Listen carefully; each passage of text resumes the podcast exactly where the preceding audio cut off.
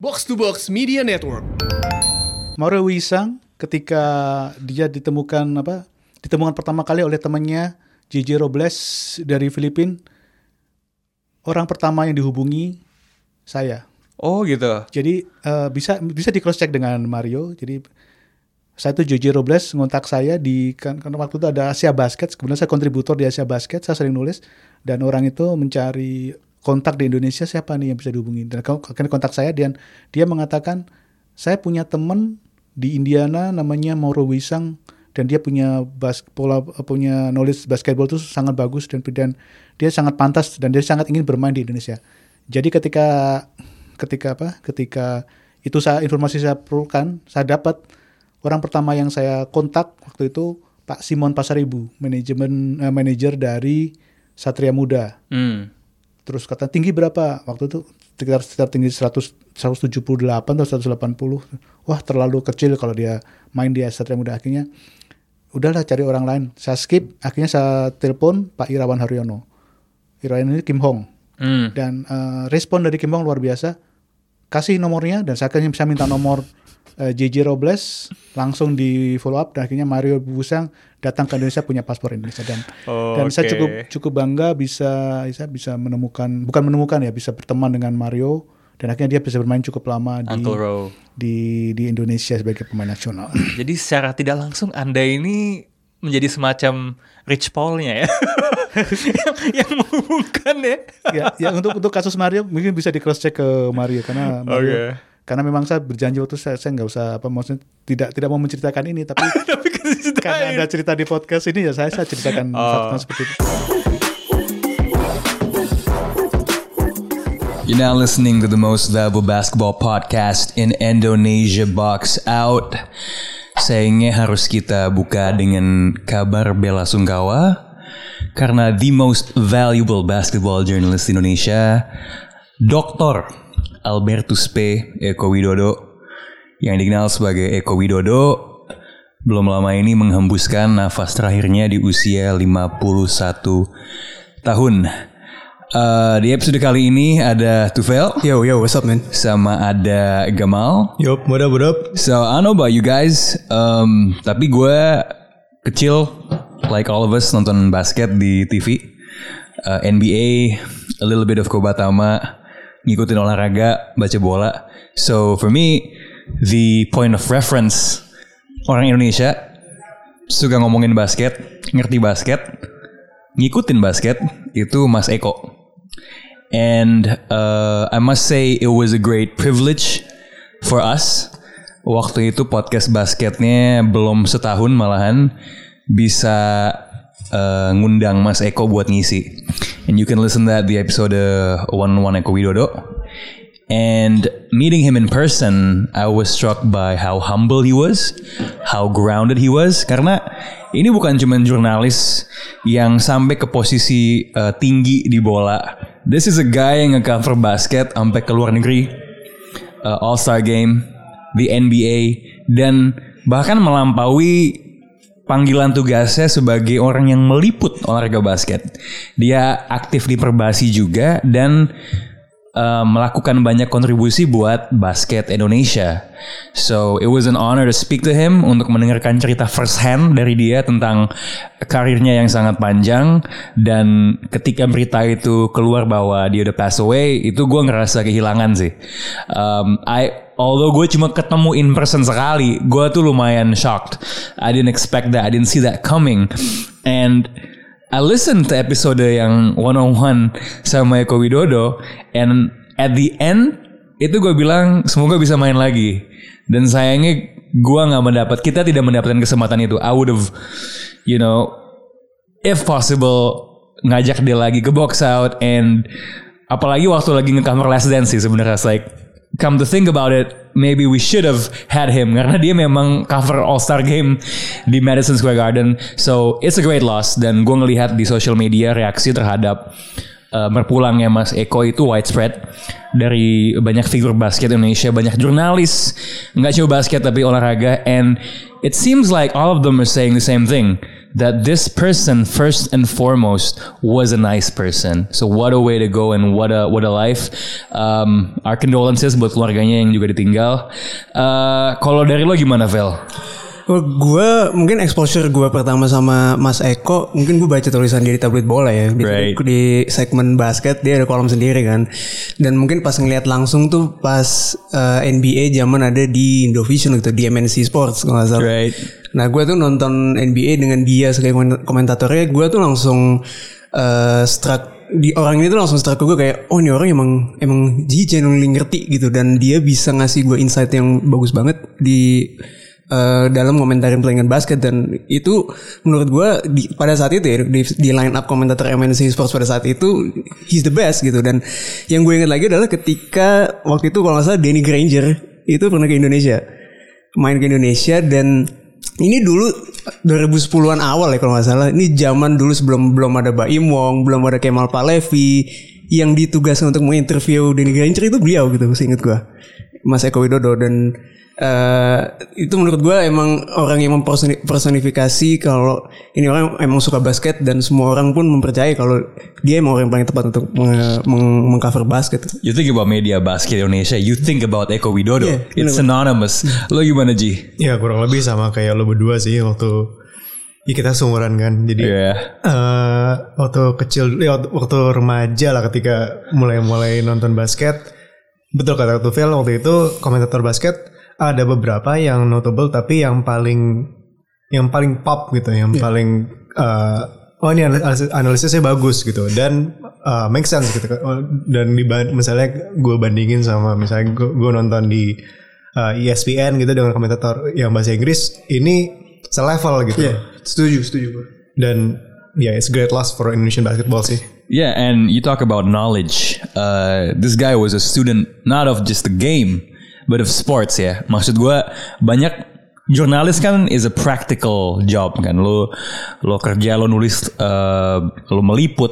Uh, it's really intense in a way. Tapi dia ini masih bisa ngeluangin waktu untuk balik ke bangku kuliah dan S2 dan S3 bahkan. Makanya dokter di bidang sports education gitu. Mungkin kalau lo ngomongin about someone who's an authority yang yang lo bisa bilang ini orang expert dan memang expert gitu loh. Lo lihat CV-nya CV-nya itu expert bukan orang yang banyak membual, banyak bacot, melaga ahli tapi sebenarnya bukan ahli gitu. So Secara profesional dan secara akademisi juga ya. Right, emang ini orang resumenya, pengalamannya, it's airtight gitu. Memang kredibel. Lo nggak tidak bisa menyangga kredibilitas Mas Eko. But despite all that, kayak yang gue bilang tadi, he was a really nice person, really humble, really kind, uh, grounded. Ketika main ke box out on time, mungkin sebuah uh, hal kecil yang tidak saya miliki, tapi beliau punya. Uh, I remember meeting him and he was wearing baju All Star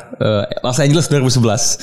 Uh, kecil, um, but you know very apa ya bersemangat ketika ngobrol sama gue, willing to share knowledge, passing the torch, um, cerita tentang pengalamannya. So a great loss uh, for all of us.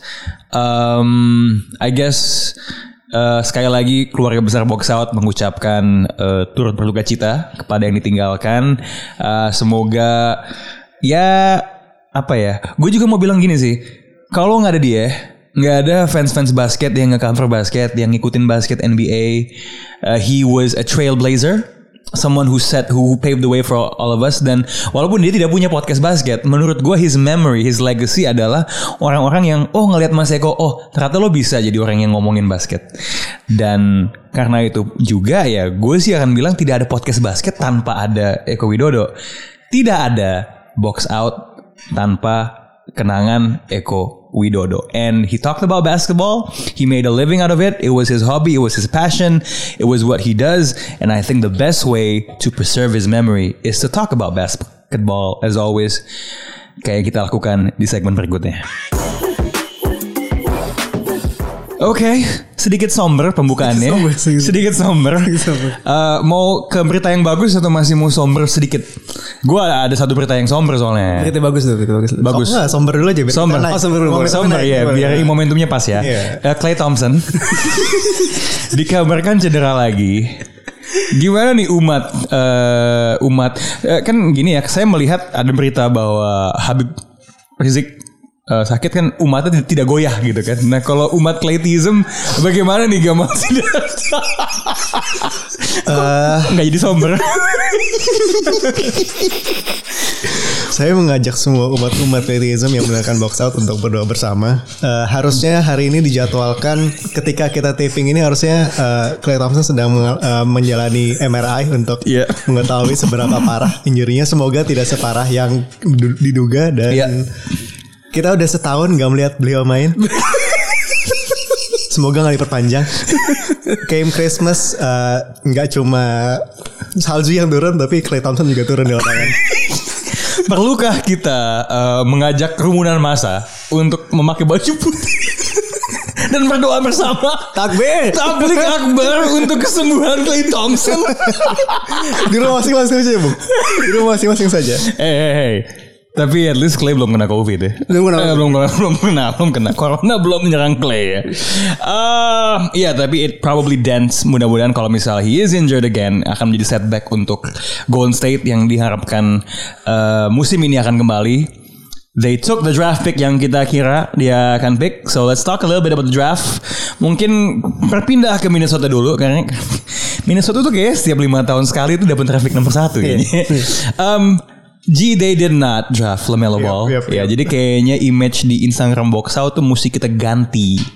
eh si mukanya Carl Anthony Towns nanti mesti kita ganti sama Michael Jordan ya. Tapi eh Vel Minnesota, Anthony Edwards, do you like this fit or not? Iya, akhirnya Minnesota tuh milih pemain yang emang secara basketball fit tuh paling make sense ya. Kalau sebenarnya kalau eh, dia milih Lamelo di situ, walaupun dia emang pemain yang mungkin potensinya bisa dibilang paling tinggi, tapi secara basketball fit menurut gue ini paling make sense buat Minnesota karena Anthony Edwards itu bisa mengisi posisi dua atau tiga di antara D'Angelo sama KAT. Dia juga seorang atlet yang elit dan he can score dan he can create. Cuma butuh konsistensi dalam perimeter shooting sama shot selection dia harus lebih baik aja sih. Nah untuk yang begitu-begituan ya Penting gak sih? Ini sering dibahas bahwa Ini sama Timberwolves sih main muda ya banyak gitu. But do they have that veteran hand yang akan bilang Hey Anthony harusnya gak kayak gitu loh. Apakah Ricky Rubio yang kembali ke Timberwolves adalah orang yang tepat untuk melakukan Leo itu? Jesus ya? Well eh, Ricky Rubio kan track recordnya dia sudah membawa dia menjadi mentor sebagai Donovan Mitchell dan Jazz yang tim itu dan memimpin mereka ke playoff Yeah. juga waktu di waktu di Minnesota juga awal waktu dia sudah mulai dia berapa sih lima, lima tahun kan di situ juga udah lumayan seorang yang di respect gitu di situ. Iya. Dia kembali lagi ke sini ya gue sekarang lebih lebih sepakat eh, un- apa namanya ketika Minnesota ngambil Anthony Edwards itu gue lebih ya fitnya jadi lebih bagus karena Iya. gue melihat si Anthony, Anthony Edwards bisa menjadi semacam six man kali. Oke. Karena kan kita, ya seperti kita tahu eh, posisi guard itu apalagi point guard, scoring point guard itu adalah mungkin yang agak susah untuk di apa namanya untuk berkembang gitu. Jadi draft pick itu biasanya butuh waktu beberapa tahun untuk menjadi matang. Right Dengan adanya eh, Kecuali nama lo Damian Lillard ya oh beda. itu itu emang ta- ada takdir ya, Pak. Oh iya iya iya iya, iya. Oke ini Dengan adanya Ricky Rubio yang menjadi anchor apa namanya menjadi menjadi playmaker utama di situ, harusnya Anthony Edwards bisa berkembang lebih baik dan role juga lebih lebih apa? Ya no pressure lah di Ya. situ. Beberapa orang uh, take note of dia ini uh, guard produksinya sekolahnya Tom Green ya. Uh, seperti Dwayne Wade dan uh, Oladipo. Market ya, market. Uh, kalau Wade di market, kalau Oladipo tuh di Indiana dulu. Um, cuman ada perbedaan yang fundamental. Uh, Anthony Edwards masuk as someone yang one and done. Ya sebenarnya nggak ada yang one and done ya sebenarnya musim ini ya, ya half and done kali ya. Sedangkan Wade sama Oladipo tuh lebih berpengalaman ketika masuk udah tahun kedua, tahun ketiga. So it's interesting to see how fast he adapts. Um, kalau ngelihat basicnya, uh, his athleticism is pretty freaky gitu. Kayak bahan bakunya udah ada, tinggal dipolesnya aja gimana. We'll see apakah Minnesota akan menjadi arena yang tepat bagi beliau untuk bertumbuh. Now we go back to Golden State.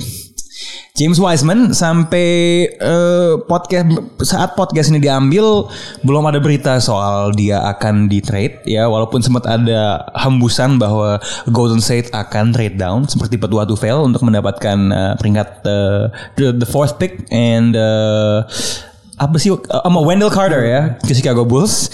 Um, that fourth pick is Patrick Williams. Um, not really sure on that. Um, so how do you like uh, the fit so far? Eh kalau dari emang positional need dia masuk sih. Tapi Yeah. balik lagi ke tag gue di episode kemarin, I'm not sure this is the right value buat ngambil di eh, nomor 2 dan sebenarnya gue dari tag gue dari ngelihat top 10 pick ini ini udah digadang-gadang sebagai kelas yang oh ini bakal banyak trade down nih. Cuma ternyata come draft draft night nggak sama sekali nggak ada trade down gitu di, Right. di top di, di top 10 gitu. Iya, iya, dan iya, iya. dan menurut gue eh ini merupakan pilihan yang safe buat Golden State itu. Mereka nggak overthink eh, dan mereka ngelihat oh yaudah ini mereka juga juga juga yakin yang offer pick di nomor 2 juga nggak begitu banyak dan offernya nggak begitu bagus dan gue yakin pick The value wasn't there. dan tawaran Chicago Bulls dua apa nomor pick 4 sama Wendell Carter menurut gue itu cuma smoke screen aja supaya yang lain banyak yang nawar supaya harganya naik. Yeah. Gue nggak nggak yakin itu. Jadi menurut gue this is the safest pick buat Golden State. Right, uh, seven foot one offers rim protection. Um, kalau dari uh, kata scout dia kelemahannya adalah his defense ketika ditarik keluar. Um, surely ada Raymond Green itu uh, guru penjaskes yang cukup tepat untuk mengajarkan itu kepada dia kan Gamal. Betul betul. Kalau secara defense harusnya dia bisa uh, memenuhi role yang dibutuhkan dari Golden State. Iya. Untuk ya uh, selama ini kan kelemahannya adalah size kan. Mhm.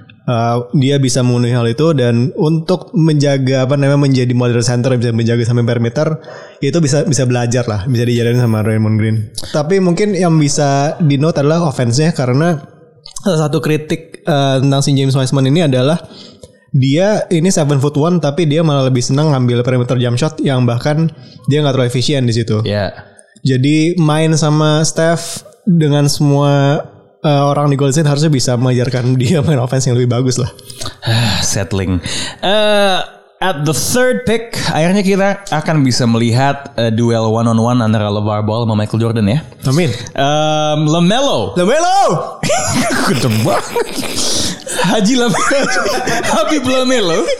Ternyata akan Habibana, Habibana, Habibana. Habib, Habib. Ternyata akan membuat kalau nanti eh, COVID pun juga sudah mereda akan ya seharusnya bisa meningkatkan kapa- kapasitas eh, penonton eh, di Charlotte.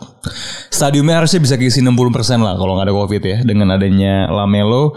Eh, how much do you love this fit? A Lamelo a Hornet, G? Gue ngeliat ini sebagai Hornets mengambil uh, best player available uh, di posisi 3. Fitnya gue masih gue nggak tahu nih dia bakal ditaruh di mana karena udah udah ada Devontae Graham, ada si Terry Rozier, ada Malik Monk juga kan Yeah. kalau nggak- dia main di dua harusnya kan jadi gue belum ngelihat gimana ini bakal fitnya tapi ya kalau misalnya memang Michael Jordan tujuannya adalah mencari seorang pemain bintang untuk mengisi kursi penonton ya di draft ini mungkin paling bisa adalah Melo. Ah, Terry Rozier dibuang mana? Balik ke Boston.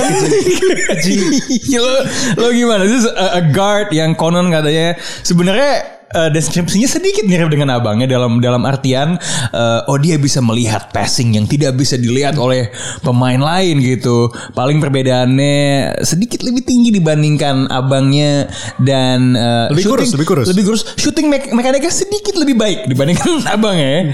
Ya kalau emang proyeksinya Lonzo sih menurut gue eh, Lamelo tuh punya lebih dibandingkan Lonzo. Lonzo Yeah. mungkin kalau kita lihat eh, sekarang proyeksi dia adalah mungkin seorang role player dan seorang secondary playmaker gitu. Dan Mungkin bisa buat point guard yang buat push transition. Lonzo. Lonzo ini Lonzo. By the way, lo tau gak sih kata Magic Johnson ketika dia nge Lonzo? Apa? He will change the culture in Los Angeles.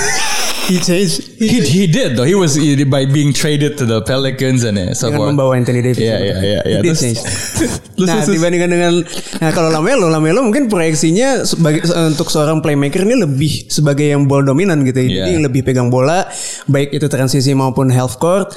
Benar yang lo bilang kalau scout itu bilang visi dia tuh is like a playmaking savant gitu loh, like the next second coming of Pistol Pete gitu. Iya. Gimana dia bisa mengentertain lawan dengan entertain penonton dengan passing-passing yang memukau. Hmm. Uh, but you said it, defense, shooting itu semua adalah questions yang harus dijawab dan menurut gue Charlotte adalah environment yang cocok untuk menghone skills yang belum lo dapat gitu kayak defense dan juga shooting dan menurut gue kalau soal fit, um, dia kan size lumayan gede ya 6'7 jadi menurut gue juga lumayan versatil mau ditaruh 1 sampai 3 juga. Jadi menurut gue ini menurut pick yang bagus buat Charlotte, pick yang bagus buat Lamelo-nya juga.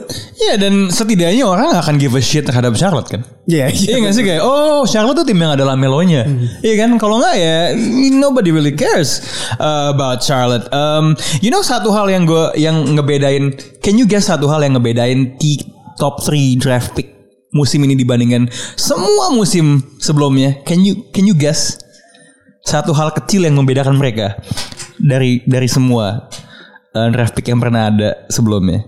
Eh Can anyone guess? apa apa apa apa? Oke Bas, iya iya. iya.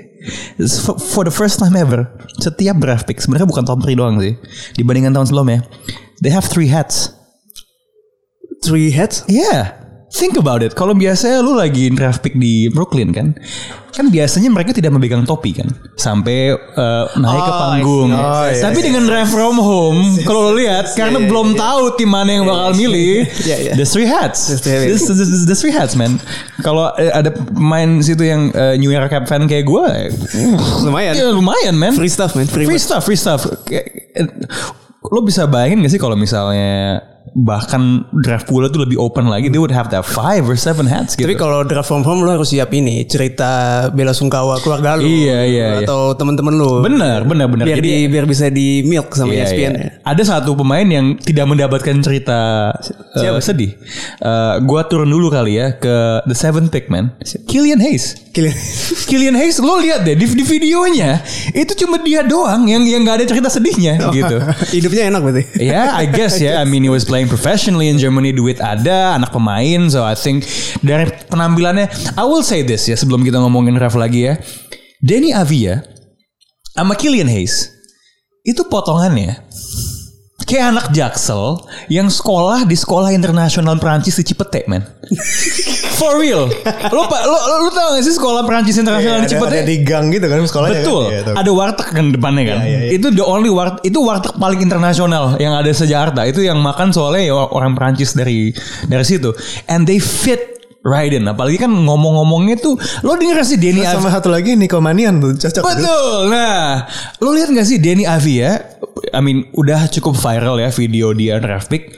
Belakangnya ada wine ya, mungkin buat detail buat party di Tel Aviv kali gue nggak tahu. His English is perfect. It's better than Luka Doncic. Katanya belajar dari Call of Duty dia. Iya. Karena main Call of Duty belajar. Right, Yang right. orang jago tuh berarti. Terus talkingnya jago. Crazy, crazy bro. So udah hone. Anyway, back to basketball. Um, anybody wanna talk about uh, Patrick Williams? I don't think. Uh, kayak B aja gitu. Patrick Williams tuh sebenarnya unik sih karena hype dia menuju draftnya itu gede banget. Jadi awalnya di mock mock sebelum sebelum pandemi tuh dia biasa aja karena dia di Florida State juga kalau nggak salah itu dia off the bench gitu, bukan starter Yeah. juga. Dan ah begitu dia masuk draft minggu-minggu menjelang draft itu hype-nya gede banget di Twitter tuh Yeah. banyak banget yang hype dia gede-gede dan akhirnya di draft itu dipilih ke nomor 4 sama Chicago Bulls gitu. Ah, siapa agensinya dia? Rich Paul mungkin gak tahu. Iya enggak usah buzzingnya lu- lumayan bagus berarti. Siapa in- influencer yang dipakai? Ini- ini kayaknya Extend ringer juga deh. Ringer ya? Kalau gue merhatiin dia itu waktu pertama kali eh, di draft itu ada di kayak posisi 20 sekian Yeah. naik ke early teens. Aha. Toto di 4 dan maksudnya ada ada beberapa kali gue lupa si F Kevin O atau siapa yang bilang kalau eh, ini pun dia juga bisa take uh, take an early gitu bisa Yeah. di di di di 10 ya di 10 late, late di akhir 10 lah nggak, nggak- tapi nggak di 4 juga sih gue gue cukup kaget ngeliat dia diambil di 4 Mungkin gak ya? Maksudnya kan kalau kita ngomongin soal new media kan placement iklan tuh bisa di mana aja kan. Mungkin gak ya kayak media kayak ringer gitu gue tahu kredibel gitu. Tapi kayak sebenarnya emang emang dibayar buat buzzing gitu. kayak Loki Lambetura. iya, iya benar. What if Kevin O'Connor itu buzzer sebenarnya men? Bener susah karena tiap tahun tuh selalu ada profile yang 2000 kata, 5000 kata buat, Iya. eh, sat- buat satu prospek yang kita belum pernah dengar ya kadang tuh ada gitu. Ya bisa aja kan. Jadi Kevin O'Connor tuh sebenarnya ya kayak apa ya kepadanannya itu kayak kayak permadi aktivis gitu tapi tapi tapi buat basket gitu anjing Menggiring opini dia. mengirim opini gitu kan what I mean gua lu gak mau. Belum ada yang nonton Killian Hayes main 48 menit kan? Bener-bener. tapi karena Kevin O'Connor bacot gitu bikin konten gitu kan kayak oh iya dia kayak James Harden gitu. Emang kita tahu gitu? Emang ada yang tahu? Kayak kayak kayak misalnya Isaac Okoro he sounds African I don't know shit about it. Anyway Cavs Isaac Okoro straight to the Kokoro Is he a good fit? I mean Cavs ini defense ya Iya, iya. uh, ini ini sesuai dengan eh, mock draft gue, gue, gue naruh dia di nomor 5 untuk double Cavs karena ya kebutuhan di, di Iya. backcourtnya ada si Saxland itu kan. Iya, iya, iya. Saxland sama Garland Yap. yang kecil-kecil nggak bisa defense tuh ada. Ya, yang Kita satu perlu lah. rambutnya bagus, yang satu bajunya bagus draft tahun lalu. That's all I remember about them, man. Jadi butuh lah seorang eh, Wing yang defense. wing defender, 3 and 3 player, 2 way player ya. Iya. Prototypical yang high demand zaman sekarang. Iya, iya, iya, iya. Ini juga ada temennya Okoro, Okong. Onyeka Okongwu. Iya, iya. Eh, yang katanya kayak eh, Bam Adebayo, projected ya. Kayaknya any 6 foot 9 dude yang Bisa playmake, playmake, versatile. ya, ya, dynamic gitu, ceritanya agak sedih gitu, bisa jadi kayak Bam Adebayo. Tapi dia memang Hawks. Look, he might be a good player. I'm not sure about the fit because mereka udah punya John Collins sama Capella. Capella. Iya bener. So you, you got an- another guy with a more exotic sounding name gitu. Iya kalau ngelihat log ngelihat apa susunan rosternya Atlanta sih emang ada log jam big di situ ya. John Collins di situ, Capella di situ dan kalau naruh Okongwu di situ bakal ada agak rumit. Cuma kalau mungkin gue ngeliatnya mungkin dia ngasih skill set yang beda si Okongwu dibandingkan Capella sama John Collins. Capella hanya rim, rim rolling dan rim protecting sedangkan John Collins he's an- kayaknya sekarang dia projected as an energy guy, maybe Stretch can, can shoot gitu kan. di perimeter dan eh, si Okongwu ini bisa ngasih dinamika yang berbeda. Sedikit dari semuanya gitu. Yes. Oh. Oke, baik. Ya, I mean, some people I guess kalau ke McD udah mesen udah apa ya mesen cheeseburger sama chicken burger maybe they get a Big Mac as well I don't know. Uh, Obi Toppin. Honestly speaking, gue cuma note dia kan namanya lucu aja sih. Obi Toppin. Obi Toppin Kenobi. Nickname-nya harus harusnya nomor satu, jersey nomor satu biar Obi Wan deh. Gue pertama kali dengar nama dia, gue kira dia orang Eropa Prancis, Obi Topang gitu. New York Knicks. Tapi emang yang mereka butuhkan ini orang kayak Obi Toppin. Iya, ini this is the next Ali Topan bangsat. Obi Topan. the most the most possible next pick ever sih. Karena Iya. namanya seorang yang high profile, high elite yang Eh. yang eksplosif gitu. Tapi apakah itu yang dibutuhkan oleh Knicks? Enggak sih. Knicks tuh kayaknya emang gak pernah ngerti apa yang dia butuhin kayaknya. Obi Toppin tuh ini rumornya dia emang kliennya CAA-nya Leon Rose. ah, Leon Rose tuh kan. Dan aneh ini ini emang pick paling aneh kalau menurut gue di top 10 Obi Toppin ini. Knicks tuh sebenarnya kalau lo lihat kekisruhan Knicks tuh kayak Knicks tuh kayak sebuah klub basket atau klub olahraga yang ada di Indonesia atau nggak? Keputusan-keputusannya dipengaruhi kepentingan-kepentingan lain sebenarnya. It doesn't really make sense. Um, kalau di luar top 10 kita tadi udah ngomongin soal you wanna say anything about Danny Avia di Wizards? No. Not really. Itu kan you're not really excited right? Nah, oke. Um, satu nama yang notable um, Tyrese Halliburton ya Yep. turun ke nomor 12 and the Kings got them. And wow Kings actually didn't fuck up the draft. Eh, pasti teman kita cara-cara Sandi dari podcast Overthink. Shout out Overthink man. Shadow Overthink ya. Um, he must be happy. He was pretty mental um, kemarin soal sebuah trade yang katanya nggak jadi ya. Eh, tapi you like this fit of ah, he's- Iya, banyak yang bilang dia pemain high IQ udah cukup NBA ready. Dia cocok lah untuk menjadi secondary playmaker. Eh, apa namanya? Untuk di eh, other guard spot siapa pun yang dipasangin walaupun itu mau si eh, Dia- DeAndre eh De'Aaron Fox. De'Aaron Fox atau si Buddy Hield. Iya. Buddy Hield gue yang gue prediksi juga bakal mau caw Mau juga. Iya. Nah, kalau misalnya dia nggak ada, dia bisa, Bisa digantiin jadi- langsung. Jadi backcourt media si Fox. Oke, look, um, is there any steals uh, peringkat 10 ke 20 second round ada yang notable nggak? Eh, gue mau note di 17 Alexei Pokusevski. Oh, Iya. jadi dia unicorn atau bukan? Uh, Projected to be unicorn. Istilahnya kalau Mark, Cuban- Mark Cuban tuh bilang main-main kayak kayak gini tuh two years away from two years away. Jadi masih Oh, masih Bruno mentah. Ya? Iya, Bruno Caboclo. masih mentah gitu. Oh, atau kalau kayak di film series uh, startup dia butuh angel investor ya. Iya. Shout out Sodami. So, so Dami, by the way lo tim Han Ji Pyong apa Nam Dosang? gue baru nonton satu episode doang. Oke oke, Gua gue gue Nam Dosang lo Ji. Gue belum nonton.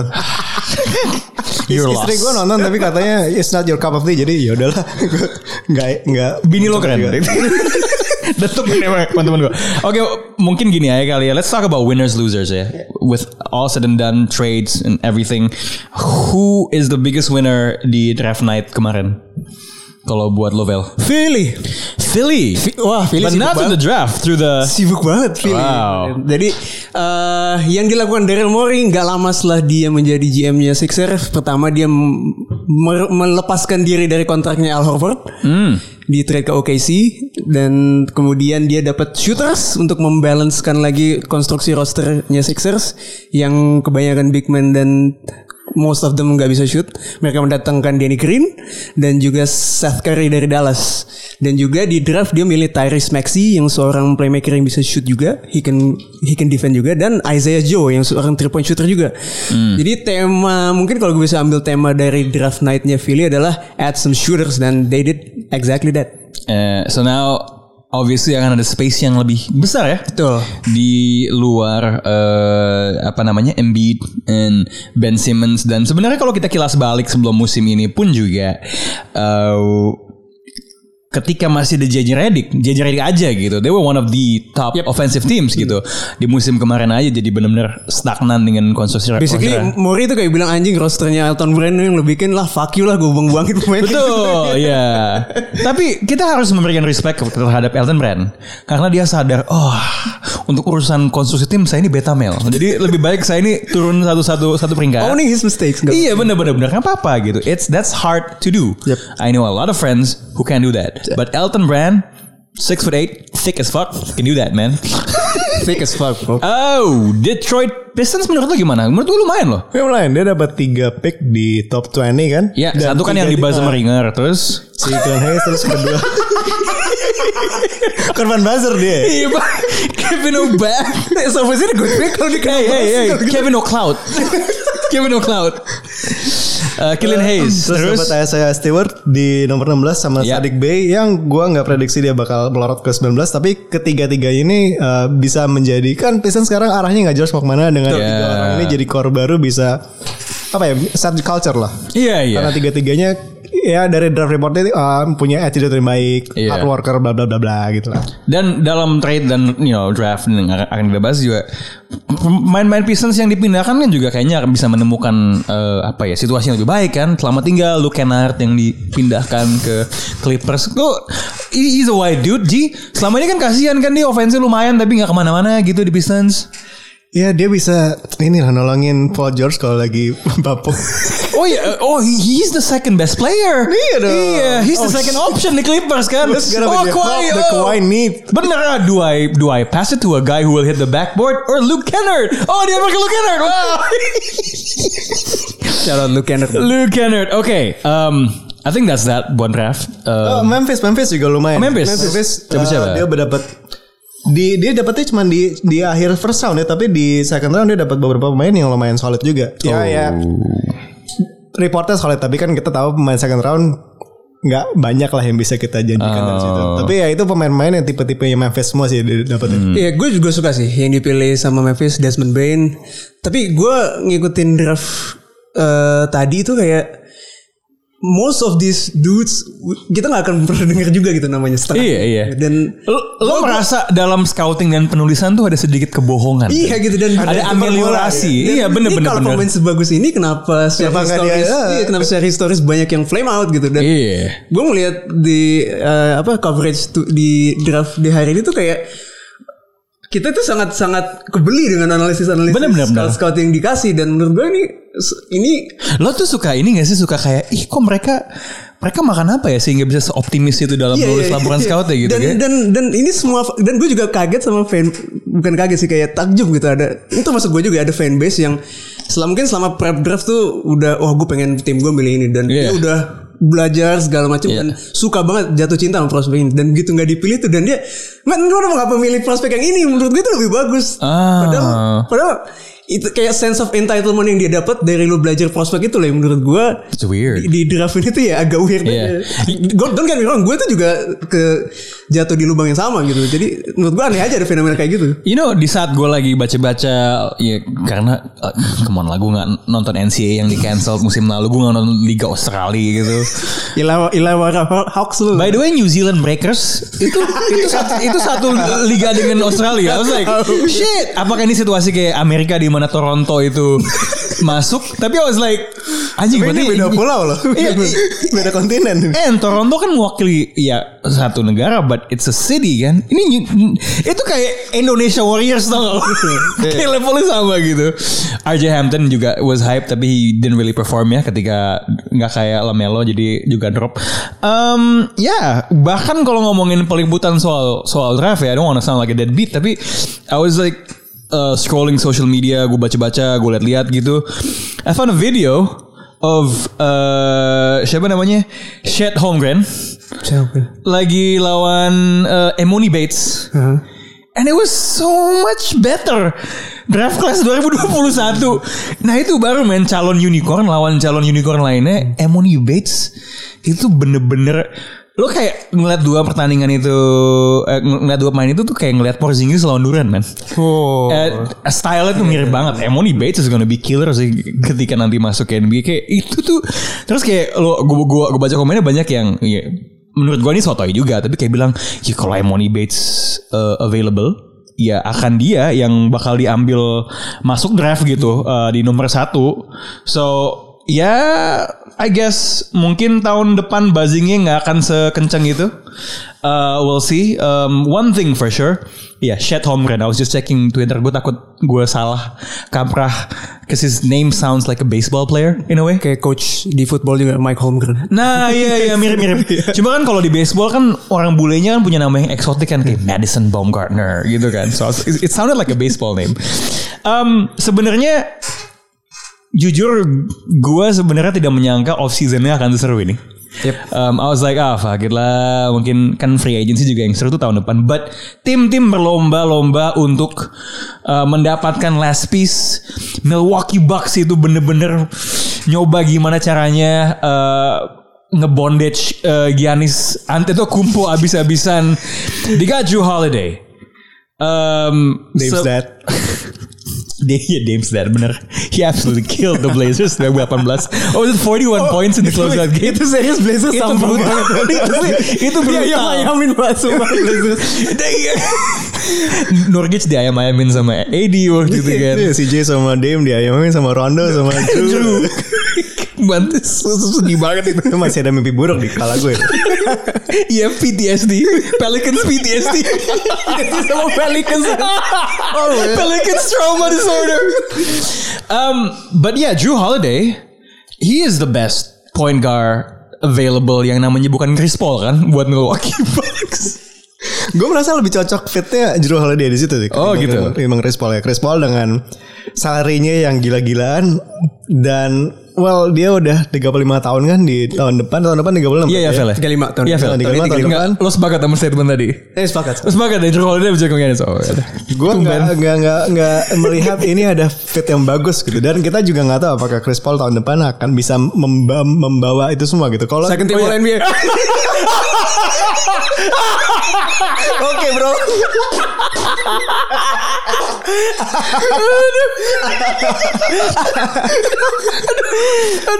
Phoenix baby.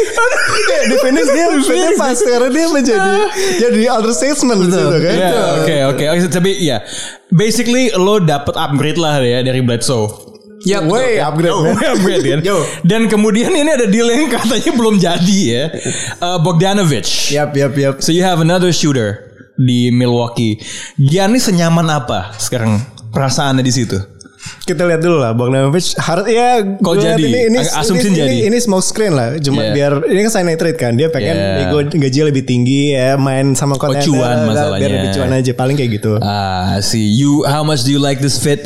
Uh, talk to me about the defense of Milwaukee Bucks. Well, kalau kalau ngelihat kalau naruh five man line up di Bucks itu ada Drew and Middleton, Giannis, Bogdan sama Brook. Pasti bakal drop coverage di playoffs kan? Enggak, tapi gini, gue gue Terus setuju. dia sama Tyler Hero gue setuju ini adalah sebuah upgrade buat Bucks dan menurut gue uh, if ini ap- ya, apa- apabila ini adalah move yang harus lo lakukan untuk keep Giannis, you do it 100% of the time gitu. bener bener bener. Dan nah tapi menurut gue sih contingent on Bogdanovic oke ya.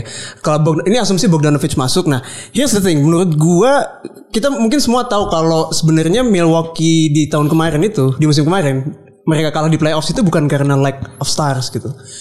Mungkin kita mungkin udah bisa mengambil konsensus kalau itu tidak adanya fleksibilitas taktik di si Mike Budenholzer gitu. Iya. Eh, Oke mungkin Bledsoe bau banget di situ. Middleton mungkin bisa step up dan Juru mungkin bisa bisa provide perimeter defense dan outside shooting lebih bagus. But tapi menurut gua setelah harga yang udah dibayar gede banget buat datengin Juru Holiday dan juga buat datengin Bogdanovic, I'm not sure that moves the needle gitu loh. I- buat buat buat dapet championship ya. Kalau buat Yeah. keep Giannis, gue menurut gue Giannis sudah udah convinced lah dengan, wah lu gue udah usaha udah dapet Juru. But using that logic, nothing would have moved the needle. If they had, iya bener. Wait, nothing. Ah, bisa lu ganti coach. Oh, iya, gua sepakat really? sih, Lu ganti coach? You would you would actually ask him right now. Kalau gua sebuah eh, GM-nya ya, yang Ah. President of Basketball Operations, udah lu kan ex gua pas dia pas si Bucks itu kalah sama Miami. Iya, pas Kayak ketika exit interview, Giannis gue udah bilang ke buat, men lu, lu tahun depan gak usah ke sini lagi. Wow. Okay. Iya. ya lu stay di bubble aja gak usah pulang Enggak, maksudnya I get it, it was his fault. Cuman gue agak kaget. I mean, dia berapa tahun san di Bucks? Tiga kayaknya, tiga apa dua ya? Tiga, men. So, so okay. Eh, kalau Galak juga ya, Kalau sebuah ownership yang memang oh championship or bust ini kalau nggak Giannis akan pergi. That's, that's So they would yeah, cut uh, Bud dan di situasi itu manggil Doc Rivers. Oke, um, gue gue gue gue tahu Tufel nih udah dari tadi ya. udah gatel ya Like I, I can actually see hi- hi- his bulge. Like he just baru konak nih barusan ya. Nggak, can you just make sure itu nggak keluar udah di zip kan deh selangkangan lo. Uh, yeah, Phoenix Suns. yeah man. Do I have, do I have to ask a question atau lu bisa langsung uh, wax lyrical about Chris Paul ke Phoenix Suns? Phoenix Suns akan 5 seed advance ke second round. Devin Booker will have his the most efficient season sepanjang karirnya. ini undefeated run-nya berapa Uh, ada gol terakhir gol sini kan 20 berapa 30 ya 30 Oh undefeated. iya Phoenix bisa berapa? bisa 15 I can see it. Eh, menurut gua DeAndre Ayton will have a career year. Shooting percentage dia bakal masuk 73% mungkin. It's time for Hooters with the fellas man. for Phoenix Suns. Rising up gue sekarang eh, musim depan sama Mutia bareng dukung Phoenix Suns. Oke, jadi itu kayak tim kedua lo abis Dallas ya? Iya, Oke, lo gimana sih? Udah lah udah cukup lah mau mau gue mau gue colehin lagi nggak perlu lah This is like a really good hand job ya. Nggak tapi oke, here's what I like. Here's my hand job buat Tufel ya. Gini loh, um, Chris Paul bisa aja ring chasing in the worst way. Dalam artian ah gue mau balik ke Clippers atau gue mau ke Lakers atau ke tim lain. Gue nggak tahu matematikanya bagaimana, but that could have been the case. Yeah, you a player these uh, these days you signal intent lo mau ke mana, then more often than not they go there, right? Tapi dia membiarkan dirinya itu ke sebuah tim yang belum jadi sampai dia ke sana. Dalam artian ya dia konteksnya memang menjadi third piece gitu. So he will still start the season walaupun dalam predicament dan kondisi yang lebih baik dibandingkan let's say an Oklahoma di mana hebat sekali sebenarnya Oklahoma bisa masuk playoff tahun lalu where he will be challenging. And I like the the fact that he treat ya walaupun timnya potential itu dia dia menantang gitu. Iya dia berteman sama LeBron James, tapi dia tidak memilih untuk naik ke banana boat yang sama. Betul. So that that part sih gue Oh, gue that was so good, Rana. that was so good. I'm good at doing that, you know. hey, pause. man. Speaking of uh, ya sayangnya kita tidak akan melihat three guard lineup-nya OKC Uh, karena selain Chris Paul yang ke Phoenix, Dennis Schroeder itu ke Lakers, a good fit, isn't it? Good fit banget menurut gue. Ini menurut gue ngejawab pertanyaan siapa kreator ketiganya Lakers. Menurut gue Schroeder bisa memasuki role itu dengan baik. Dia bisa playmake, bisa shooting. Menurut gue defisiensi dia di defense bisa juga bisa ditutup sama teman-temannya di Lakers.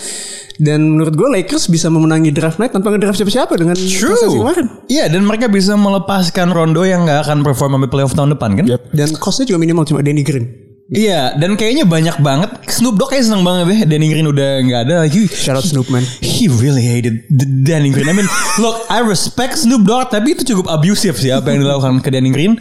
Dan Danny Green juga sebaliknya sekarang di Philly hanya sesaat ya, seperti fitur fleet di Twitter yang baru muncul. iya. Hanya sesaat dia sudah berpindah. Seperti Rubio juga dari OKC gitu, kayak lu naik pesawat, eh mendarat langsung cabut lagi gitu. Seperti Carmelo waktu di Hawks juga. Nah iya. Oh shit. Rashid Wallace juga di Hawks. Rashid Wallace juga di Hawks lo. Uh, klasik um, OKC. Um, shouldn't they just open like a boarding school or something gitu Kayak di film Queen's Gambit? Kayak buat anak-anak muda gitu Ini kayak Sam Presti School for Gifted Basketball Children. Nah betul So it's Ya isinya pick semua ya Isinya back semua dan ini udah timelinenya udah rebuild dan ini menurut gue udah di mana fase di mana dia ngumpulin picks, nyari veteran yang mungkin undervalue kayak Al Horford, dia mainin di OKC, dia reclamation value-nya naik lagi, kemudian di trade lagi, dan mudah-mudahan pick yang dia punya itu jadi draft pick yang bagus, develop dan aset-aset yang belum kepake itu udah siap kalau misalnya ada superstar yang disgruntled yang pengen cabut gitu. Iya tinggal diputar-putar aja gitu ya. Yoi, betul. Dia tuh ibarat kalau lu main gacha di Subasa gitu Bola-bolanya banyak banget tau gak Kayak There's so many picks uh, In that in that team. Um, Jangan-jangan banyakan picks daripada pemain ya Sang? I haven't done the math. Um, There was A long time ago When they had a lot of draft picks And they drafted high They had James Harden KD Russell Westbrook Good times man. semuanya sudah berpindah, em, tapi ada beberapa yang mau pindah lagi. James Harden em, dengan sisa kontrak 2 tahun, eh, akhirnya eh, sampai pada sebuah kesimpulan bahwa strip club di Brooklyn itu lebih baik daripada di Houston. He turned down 50 grand. 50 million. 50 oh ya 50 million not grand seribu itu Pikiran tuh semalam dari strip club ya. Eh, betul betul betul betul betul betul Dia pada satu juta kan di satu. Oh shit. Iya. Iya benar-benar sampai sampai jersey digantung. jersey digantung. Lu bayangin orang tuh orang tuh jersey digantung di stadium lu juara. Ini Di lu belum club. juara digantung di strip club. Di situ udah juara dia. Iya dia menang. He had a ring. He was the MVP of the strip club. Um, Oke, dia dia bilang dia mau ke Brooklyn ya. Dan kayaknya ngotot. Gue gak pernah lihat pemain masih belum bisa kontrak 2 tahun. Gue mau ke sini. gue spesifik. Gue mau ke Brooklyn gitu kan. Dan eh, menurut gue ini permintaannya sebenarnya agak cupu ya. Karena udah ada ke Irving sama eh, Kevin Durant, right? Gini, kalau lu udah gue nggak terlalu mau ngomong soal mekanisme how he can get there. It might involve Brooklyn kayak apa yang mereka lakukan dulu, melego masa depan mereka, ya. Um, but if you wanna do this, dan lo sudah menolak 50 juta dolar uh, uh, per musim, surely, surely, fail. Dia mau main off the ball kan di Brooklyn. like, lo, you turn down 50 million. Kalau masih dia nggak mau main off the ball juga itu parah sih. What does he want? Lu maunya apa? kalau ngelihat ya harusnya ya kalau dia udah mau pindah ke situ itu udah ada di pikiran dia dan menurut gua kalau dia eh, dia udah keluar nih kata-kata gue pengen ke Brooklyn kan gue yakin dia juga udah udah udah inter- udah ada internal conversation sama Kyrie sama KD yo let's, Yeah. let's team up dan Pas lagi workout di Los pas Angeles. lagi nah dan gitu ngumpul harusnya gue gue yakin sih dia udah bilang gue sekarang let's let's do a team player apa tim basketball nanti kalau kita udah gabung. Gue nggak bakal main ISO segala macem. Dan menurut gue juga dia tuh sebenarnya capable juga untuk main kayak gitu. Bisa main off ball dulu bisa. dia waktu di OKC. dulu zaman di OKC itu bisa banget. Betul. dan dia juga even dia cuma nongkrong di corner aja udah value menurut gue gitu. Bener, space. Udah space gitu. Jadi eh Contrary itu popular belief menurut gue sih dia bisa mengubah game dia kalau dia pindah ke Brooklyn ya. Do you agree with I, I, Not necessarily lah. But down 50 million. Bisa aja dia nanti dia udah ngomong-ngomong sama Kyrie Durant ntar gue yang bawa bola ya Kyrie. Oh iya, Kyrie-nya Kyrie justru yang jadi main Iya. Kyrie sih. Iya. Kyrie sih yang kayaknya kalau kalau kalau Kyrie paling tuh bottom situ kan. Iya iya iya. Kalau KD kan emang dia ya ISO player, dia bisa ball, dia bisa ISO, dia bisa Bener bener. jadi bener, center bener, juga post bener, juga bisa kan. Iya. And Kyrie didn't create all of this trouble just to be a third option kan? Iya kan. So um, nggak cuman Harden yang mau hengkang, um, Russell Westbrook juga mau cabut, tapi kayaknya antusiasmenya nggak setinggi orang Sad man. buat dapetin Harden. Some say Charlotte, New York, that will be lit ya. They will be late. Bener. Uh, Oh dia sama Obi Topin, wah. Si Obi Topang. Obi Topang, Topang list. Dan you would have a situation di mana di Brooklyn lo punya James Harden, eh sorry lo punya KD and maybe James Harden, and di New York Knicks lo akan punya Russell Westbrook. I mean who wouldn't wanna watch that walaupun hasil akhirnya sudah cukup jelas kan? Pasti kalau itu terjadi ada satu game di mana upset sih. Satu game di regular season ya di mana mereka upset. Uh, Terus itu- abis itu semua media oh the Knicks is finally here bla bla bla bla gitu. And then Mereka dapat menang lotre.